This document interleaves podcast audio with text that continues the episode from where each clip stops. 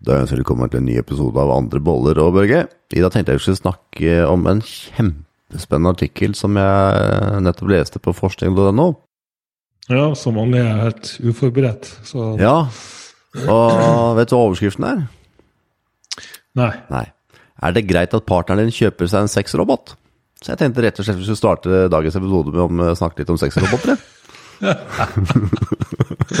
Sexrabatt, ok, den må du forklare nærmere. Hva betyr? Nei da, forskere har undersøkt hva folk mener om roboter for sex og kjærlighet som ennå ikke er oppfunnet. Ja, sexrobot. Jeg tror du sa sexrabatt. Nei, rabatt. vi snakker nå om sexroboter. Vet ikke om du opererer med sexrabatt hjemme hos deg, Børge, men Nei, vi har ikke så mye klippekort-rabattordninger, egentlig. Så det var veldig spennende. Det er jo at menn er jo selvsagt er positive, og så snakker man litt om hvor eh, går grensen mellom utroskap osv. Da tenker man at kvinner de skal ha kjærlighetsroboter, og menn de skal ha sexroboter. Så det er mye spennende på forskningstiden om dagen nå, Børge. Ja, det Men det er vel da verden beveger seg mot. De skal løse alle behov som, Ja. som finnes der Viktig, det. Ser du for deg å erstatte samboeren med en robot etter hvert, eller? Nei, vet du, jeg tror vi satte en grense teknologisk sett på øh, å ha smarttelefoner og, og Netflix, altså. Ja. Så det, Jeg er nok ikke helt klar for, øh, for noe sånt, nei. nei, så det kommer ikke til å bli en eh, robot inn i huset til Børge, det første, på den fronten. Nei da, også jeg og frøken Høyre har hatt et langt og godt forhold øh, siden øh, puberteten, så, så hvis det blir ille, så, så får vi gjenoppta Ja. selskapet. Ja. Mm. Eh, Børge, du eh, var jo så Hva skal jeg si?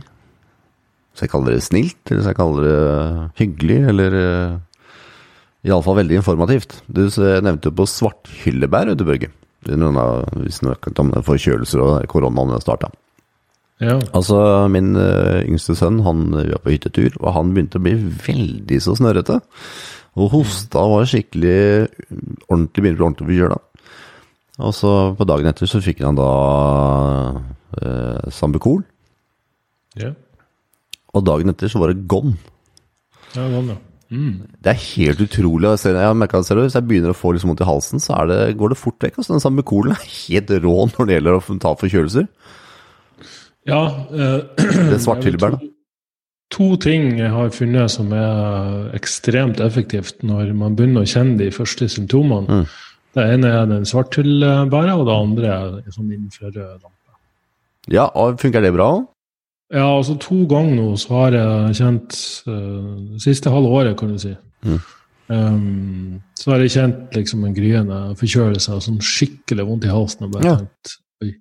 Og til og med en, en kveld jeg skulle legge meg, var så sår i halsen, lå og svelga og svelga og svelga og tenkte off, nå kommer jeg til å våkne meg. Nå kommer koronaen. Men da kommer koronaen. Ja. Det her var vel før koronaen, Ja. faktisk. Men det kunne jo vært det likevel. Ja. Og jeg gikk eh, inn på gjesterommet, og så mm, satte den dame på senga der og tok den infrarøde lampa. Jeg har en sånn justerbar eh, lampeholder. Så jeg bare hadde den sånn ca. 20-30 cm over halsregionen. Og sannsynligvis fordi det, du, du får varme på det området, men også fordi du stimulerer thymuskjertelen som ligger mellom brystbeinet der. Det har med immunforsvaret å gjøre. Og også skjoldbruskkjertelen som har med stoffskifte å gjøre. Våkna opp dagen etterpå og var nesten helt, helt god igjen. Ja, det var det, ja. Så 20, 20 minutter med den, den lampa. Så jeg skjønner hvorfor eh, Sambucolen nå begynner å bli utsolgt hos alle, hos alle sunn kost, for å si det sånn. Vi har snakket litt om det, og jeg har, det er svært sjelden jeg bruker noe som jeg føler at det gir så mye effekt. Ja. Og det er mye forskning Ja, på det, det er ikke bare placeboeffekt her. Det er ikke bare placebo, nei. Den, den har jeg mange gode studier på også. Eh, Fra sexroboter over til noe helt annet. Eh, Her om dagen så, så jeg et intervju med professor Jordan B. Peterson. de fleste i Norge har hørt om eh, den personen, antar jeg. Selv har jeg hatt den som gjest tre ganger, og hvis du ikke har hørt om den, så er det en ganske kjent professor som fylte Oslo konserthus, var det i fjor, eller forfjor, på ca. ti minutter. Eh, Han har vært gigant... hva skal jeg si Han har i hvert fall blitt fremstilt som kontroversiell, men hører hva han har å si, så er han ikke så kontroversiell allikevel. Han bare fremstiller på den måten. Og så yeah. så et intervju med han her om dagen. Han har vært helt vekk fra alt som heter nett og alt som heter medier i eh, godt og vel et år. jeg har hatt litt kontakt med han innimellom via e-post, men ellers så har han vært helt uh, borte fra omverdenen. Og grunnen til det er at uh, han um, hadde brukt uh, benzodiazepiner ja. over, en, over en lengre periode. Fordi at kona hans bl.a. Uh, fikk beskjed om at hun hadde en kreft hun og ikke kom til å overleve fra. Og sammen med at man kanskje får media som prøver å ta knekket på deg hver eneste dag, så kan nok det være utfordrende for mange å ikke få sove. Så han er jo da utdannet psykolog, eh, psykolog eh, og gikk jo da til sin, eh, sin lege og fikk da utskrevet benzo, benzoprodukt. Og Han brukte det da over lengre tid, og fikk endelig sove, fikk roe seg ned. Så han merket at liksom, angsten ble verre. da, Så han gikk til legen og spurte hva han skulle gjøre. Så de øka doseringen, da ble det bare enda verre. Og nå i over et år altså, så har han vært innlagt på så mange forskjellige plasser, bl.a. i Moskva, alle ting, der de, der de la han i, eh, i, narkose i ni dager. For at den der eh, avhengigheten fra kroppen har til benzoproduktene da skulle gå bort, og han ikke skulle være til stede. For når han var til stede og var våken, så var det sånn at han eh, til enhver tid på døgnet, akkurat som han fikk støt i kroppen. og når han ble sendt inn på andre plasser, så for å måte, bli kvitt dette, så hadde de ikke noen løsninger i, i Vesten, som de, funnet, som de, har funnet, i alle fall. Og da var det sånn at de prøvde da bare å erstatte det ene bensinproduktet med et annet bensinprodukt.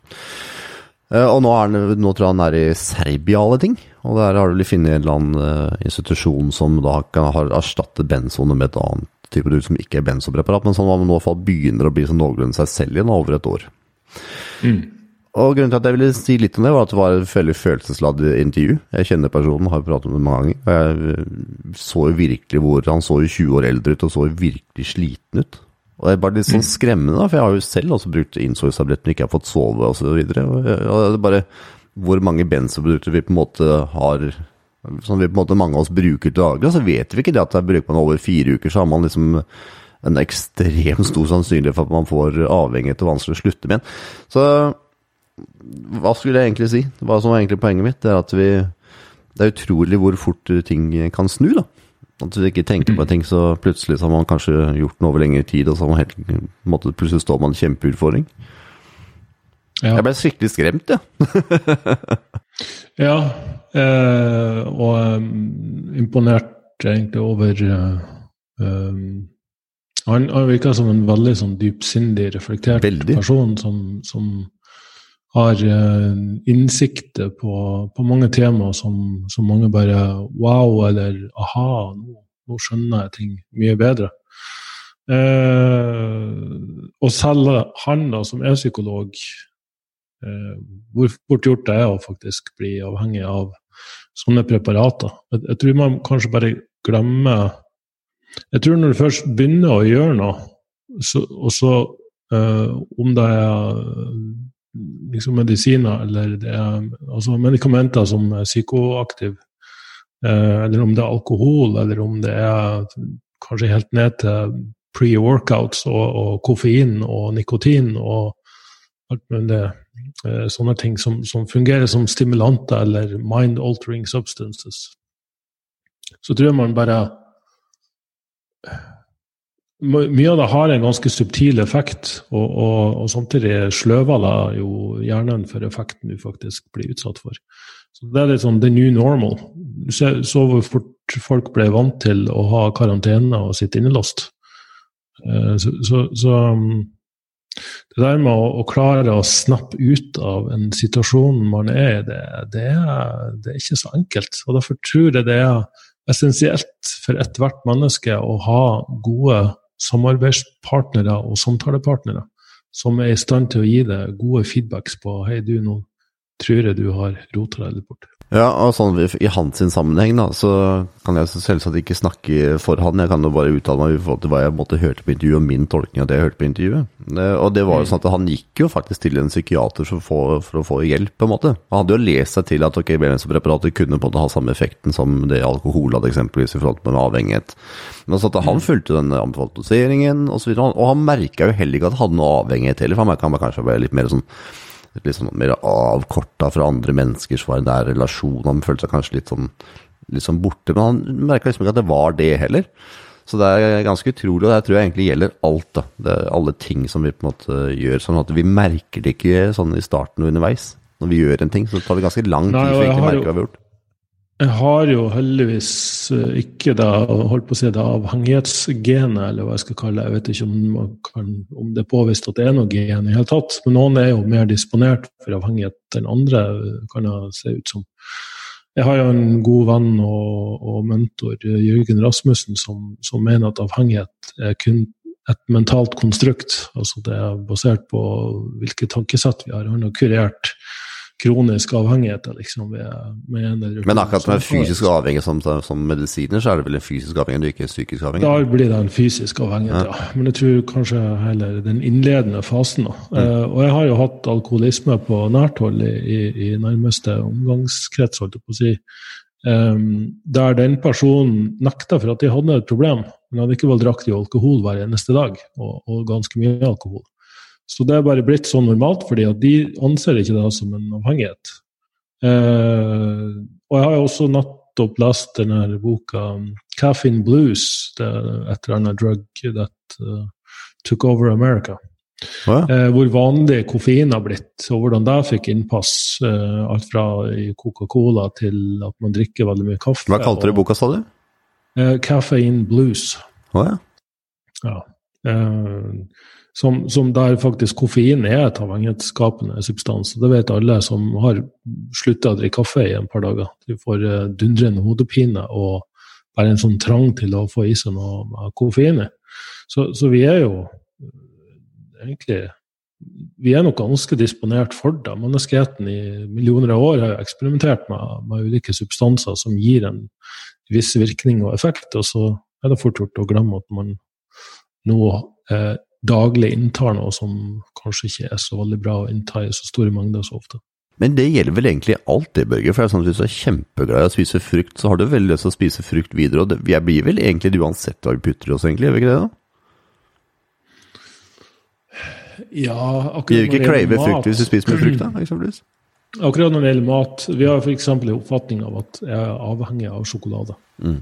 Så det er helt klart det. Eh, men det her, ja, men det her er jo vist at det er jo igjen også bare et mentalt konstrukt. Det vil si at Fjerner du sjokolade, så får du ikke noe abstinenser, men du får en mental Fordi det er i, i matminnet ditt, hvis man kan kalle det det. At mat du spiser veldig ofte og kanskje liker veldig godt, da, da fester seg et minne. Det er derfor mange har denne spisedagen hver lørdag eller søndag. Eh, eller de har en cheat day eller et juksemåltid, eller kall det hva du vil. Eh, men, men faktum er at eh, hvis du sulter en craving, så, så vil den forsvinne over tid. Um, og her har, har Men er ikke det fordi at eh, bakteriefloraen som bryter ned dette, og da er nettopp det bakteriefloraen bryter ned, er nettopp det du pleier å spise? Er ikke derfor man også har den avhengig da? Faktisk var kroppen Ja, men jeg vet ikke om vi nødvendigvis har en, en egen bakteriestamme som bryter ned sjokolade. ja, okay. Eh, jeg tror kanskje heller at vi, vi får jo en dopaminboost av å spise mat som vi liker. Eh, og det er fort gjort å bli avhengig av den dopaminboosten. Eh, koffein, alkohol, nikotin, det er også substanser som påvirker dopamin, og, og det er jo også de, de tyngre stoffene som kokain og amfetamin. Eh, og, og dermed er noen som har sagt at ja, eh, sukker f.eks., det det er det samme som kokain, fordi det, eh, det aktiverer de samme områdene i hjernen.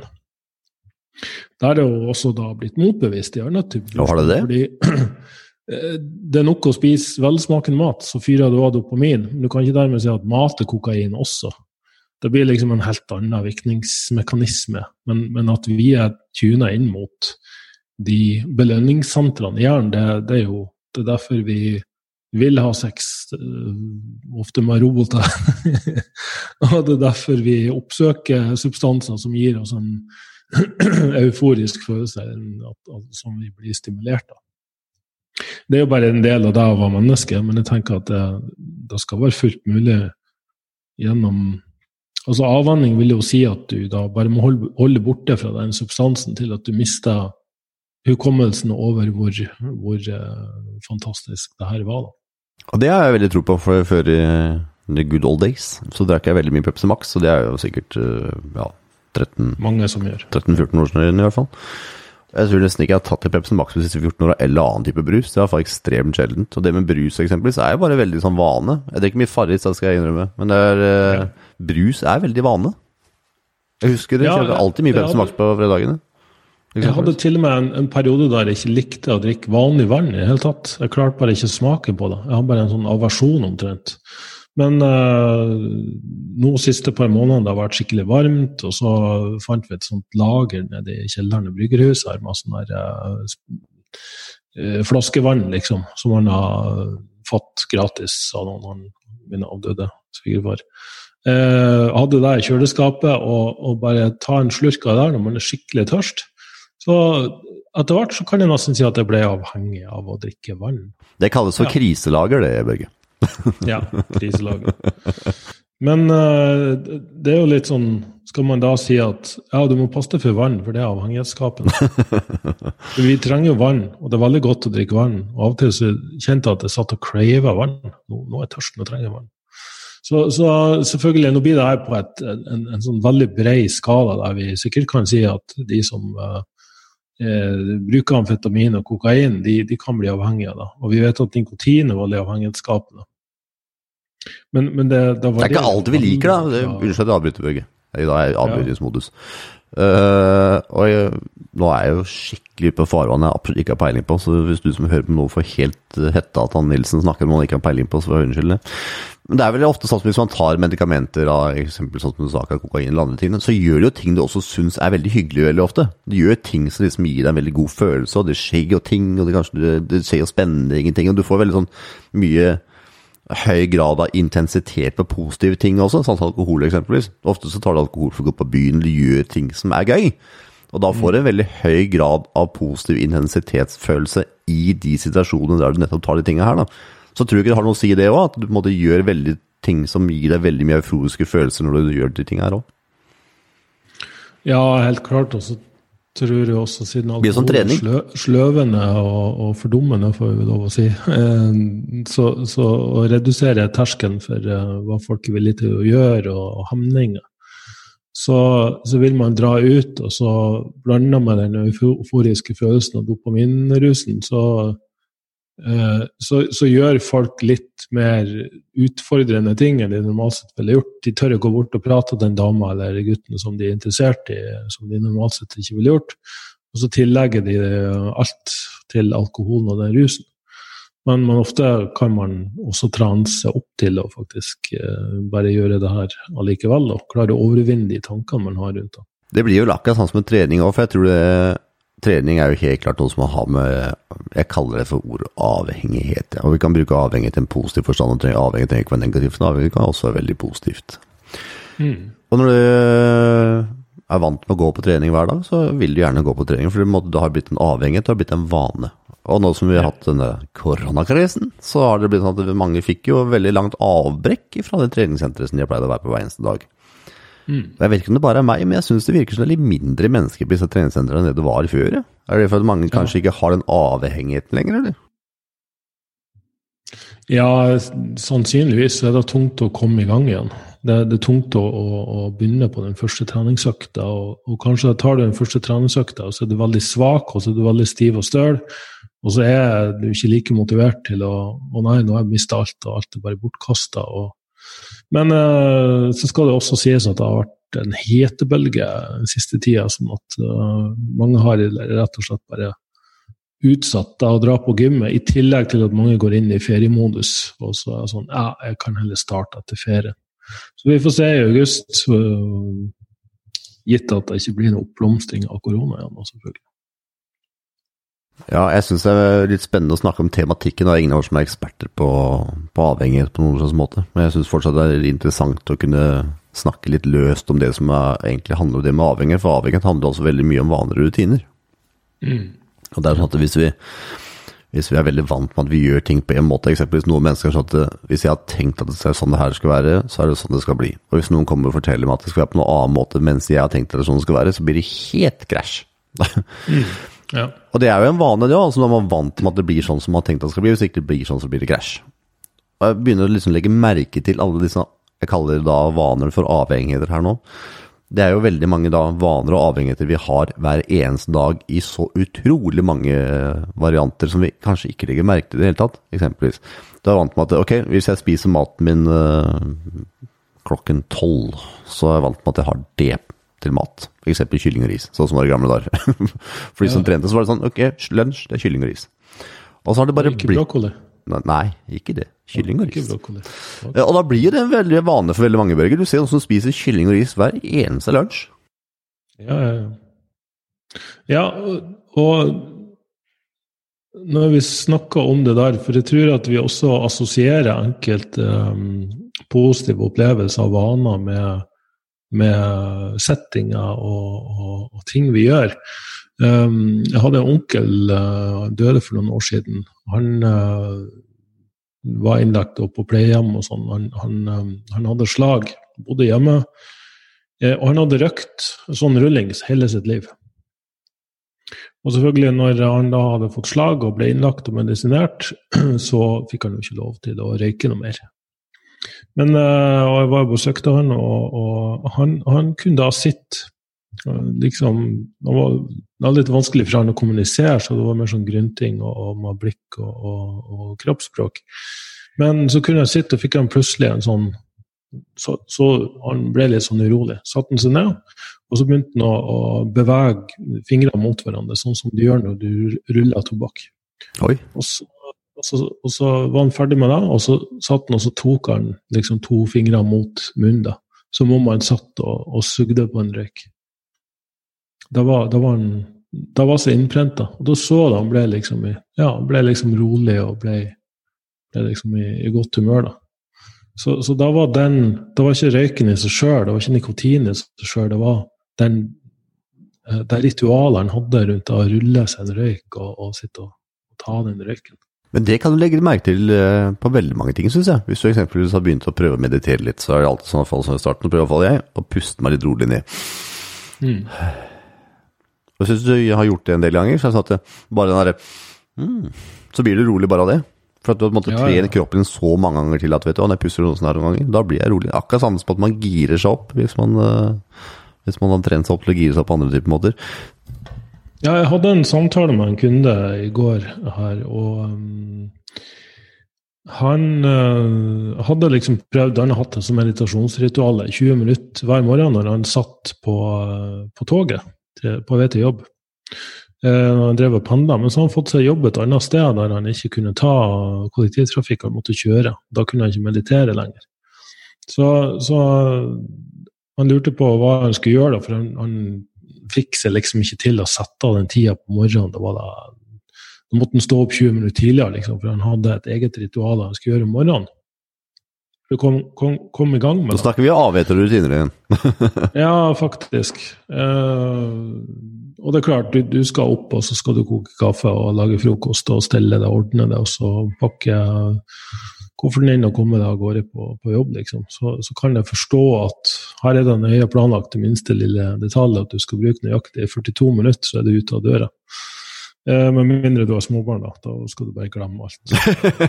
Sånn det. Det gjelder ikke sånn tidsberegning lenger. Men uansett, da. Eh, for å ikke spore av altfor mye. Så lurte han på om jeg hadde noen tips til det. Eh, så sa jeg ja, men hvis du ikke klarer å sette av 20 minutter, hva med å sette av to minutter? Så ja, men to minutter, hva er poenget med det, liksom? For den har jo en oppfatning av at du må bruke 20 minutter på det. Så nei, hvis du, hvis du allerede har hatt et meditasjonsritual, så har du trent opp hjernen din til å gå inn i en meditativ modus. Og det er ikke, det er ikke nødvendig å liksom gjennomføre et helt ritual med pusting og kroppsskanning og eh, liksom kanskje en, en stemme som snakker til deg gjennom hele den prosessen. Du kan sette deg ned, og så kan du Vi har jo snakka om warrior meditation tidligere. Eh, Der må sitte med øynene åpne og så bare stilne hodet og, og være bevisst omgivelsene dine. Og, og både synsfeltet ditt, hele synsfeltet, fest blikket på et punkt på veggen, og så se om du klarer å bli bevisst hele synsfeltet ditt. Det tar noen få sekunder. Så kan du gjøre det samme med, med hørsel, altså prøve å høre alle lyder. Ikke henge deg opp i noen enkeltlyder, men bare være bevisst på det som er av lyder, om det er fra magen din som rumler, eller det er sus fra vifte, eller, eller hva enn det er. Så sirkulerer gjennom sansene, både lukt, smak og, og eh, følelsen av stolen du sitter på, eller i mitt tilfelle den harde trebenken som gir tresmak i ræva. Eh, men uansett, sirkulerer gjennom sansene mellom få sekunder på hver sans, og så komme tilbake igjen. Det, det tar maks to, to, minutter, liksom. Og uh, han prøvde da, bare mens vi satt og snakka, og bare wow. Var, han følte han var i dyp meditasjon på, på veldig kort tid. Eh, fordi han rett og slett hadde praktisert meditasjon tidligere. og Det er som når du har uh, trent en muskel også. Det tar veldig, egentlig veldig kort tid å komme tilbake der du var, i stedet for å starte fra scratch og må bygge seg opp igjen. Du kjære Børge, det er en ting jeg lurer på sånn avslutningsvis. Vi vet jo at vi har muskelminne, ikke sant? Så vi snakket om trening i stad. Så hvis du har, eh, Og meditasjon i og for seg.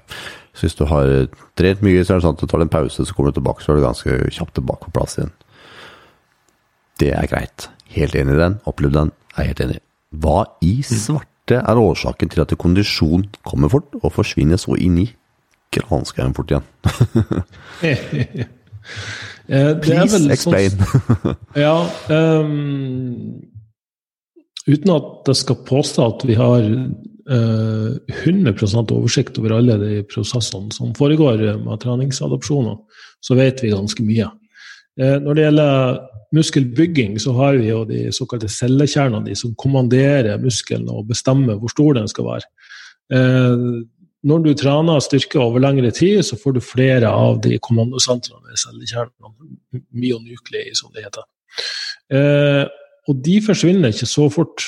Da, da har man selvomsetning å gjøre, da har man metabolske prosesser. og Det kan hende at det er også et evolusjonært eh, påtrykk her som gjør at de endringene er mer eller mindre permanent. For da, da er kanskje sannsynligheten større for at du trenger den adopsjonen hvis du har vært utsatt for den over mange uker, måneder eller kanskje til og med år. Når det gjelder kondisjon, så ja, helt riktig. Det er litt sånn easy come, easy go på akkurat den. Og, og det kan nok ha noe med at um, Ja, det føles ikke så veldig easy come, man, innrømme, men det føles som jævla fast go, i hvert fall. Ja, ja Jeg tenker utholdenhet kommer raskere enn styrke. Du kan ja. doble liksom, kondisjonen din, Evnen til å løpe en viss distanse på kort tid, men da å doble styrken din kan ta mange år. Ja, eh, ja eller mange måneder, i hvert fall. Litt avhengig av hva vi snakker om. Um, og, og, mange av de um, endringene som skjer i kroppen med utholdenhetstrening, de, de skjer i blodbane, og det skjer i Eh, de, de, skjer i celler som har mye raskere omsetningshastighet enn de har i muskler. Eh, så det, det, er nok derfor at det går relativt fort å få opp utholdenhetskapasiteten. Og igjen, evolusjonært sett, så hvis, hvis, du plutselig stiller store krav til hjerte-karsystem og oksygenopptak, eh, så, så, så, er du da sannsynligvis i en setting som gjør at du trenger den adopsjonen veldig, veldig raskt. Eh, mens, mens, muskelmasse og styrkeøkning er, noe som du må ha mer en sånn kronisk belastning over lengre tid. Jeg er ikke den der uh, Milo og oksen, at han bar den fra den var kalv og til den ble en stor okse. og Det er liksom hele fundamentet for progressiv overbelastning. Um, så, så, ja, de, du, du, kan øke utholdenheten din ganske hurtig, men, men, du mister den ganske fort. Men jeg vil jo også si at den kommer tilbake også ganske fort. Ja, takk for at du løste det mysteriet, Børge. Sist det hadde vært veldig mye klipping på undertegnede, og ikke så veldig mye gåing, og da har han tydeligvis den kondisjonen forsvunnet ganske raskt. Så ja, da er det tilbake, på, på, på hesten igjen. ja, jeg har det på samme måte. Jeg vil faktisk navne mens vi er innom temaet, da. Mange som er veldig opptatt av å skal bygge muskler, de, nesten, de har nesten litt sånn noia for å trene utholdenhet. De er redd for at da skal du ødelegge den muskelbygginga. Og omvendt. De som trener mye utholdenhet, er redd for å trene styrke, for de er redd for at ja, får du tunge og klumpe, klumpete muskler, så ødelegger det for utholdenheten. Det, det, her handler om veldig, grad, veldig mye grad og, og, og type. da. Sånn at eh, det, det, var en nylig studie som ble gjort, et svensk studie. Eller det var ikke en ny studie, det var faktisk data helt tilbake fra 2012-2013. Men de har publisert de har analysert dataene som hadde publisert den liksom, av nye, nye funn. Da. Og her hadde de funnet en av de høyeste muskelvekstratene som noensinne er registrert i, i noen som helst studie. Og det var en protokoll der de eh, trente utholdenhet og styrke sammen. Og de økte da dobbelt så mye i muskelmasse enn de som kun trente styrke. Men det interessante med den uh, studien var at de satt ikke på en spinningsykkel og, og sykla en halvtime. De uh, kjørte ettbeins uh, beinspark, leg extensions, i en maskin. Så det ene beinet kjørte, kjørte utholdenhet, og det andre kjørte styrke. Og så På det ene beinet da, så kjørte du utholdenhet og styrke, og det andre kun styrke. Og så ja, drev de og sammenligna litt sånn. Utholdenhetsprotokollen det var to minutter til failure med, med beinspark. Sånn at uh, vi kan vel heller si at det er mer styrkeutholdenhet. Men, men poenget er at det ligner såpass mye på den styrkeprotokollen som sier var ti reps, da, jeg husker ikke nøyaktig detaljene, at um, Sjøl om du, du svinger innom utholdenhetsspekteret her, og de ble tungpusta, og, og, pulsen økte, og de fikk eh, laktat og, og liksom alt det som kjennetegner en utholdenhetsprotokoll, da, så, så, var det fremdeles nok overlapping til at de altså Det kan rett og slett se ut som om muskelvekst trenger både høyreps og, og lavreps på sikt. Og Det er jo tilfeldigvis en av de eh, underliggende fundamentene til eh, de programmene jeg har satt opp tidligere. Hypertrofi, spesifikk trening og, og SSD. Jeg syns vi var innom mye informativt i det, Børge. Alt fra tanker om sexroboter til uh, kondisjonstrening. Det er som vi pleier. Det er vilt, ja, litt men du vet, sexroboter kan jo også både kjøre utholdenhet og Ja, sant det. bare for å komme litt sånn full circle her. det er godt å høre, Børge. Og hvis du ønsker å sende noen forslag til tema eller gjester Børge skal snakke med, eller hva vi skal snakke om, så kan du sende til podcast at meirevolution.no. Og syns du episoden er bra, så gi oss gjerne noen femstjerners på iTunes. Da. Vi trenger å komme litt lenger opp på listene. Ja, så til, det var hyggelig. Veldig hyggelig. Du har det veldig hyggelig hadde det vært, Børge. Uh, ja. Så til neste gang, kjære lytter, må du ha en utrolig fin dag, og god dag. Fin dag. God dag, fin dag. God, dag. Ja. god sommer. Ja, ja. God, god, god, vinter, god vinter er på vinteren. Ja, ja. God høst. God vår. God høst, ja. høst og vinter og vår. Ha det bra. Ha det bra.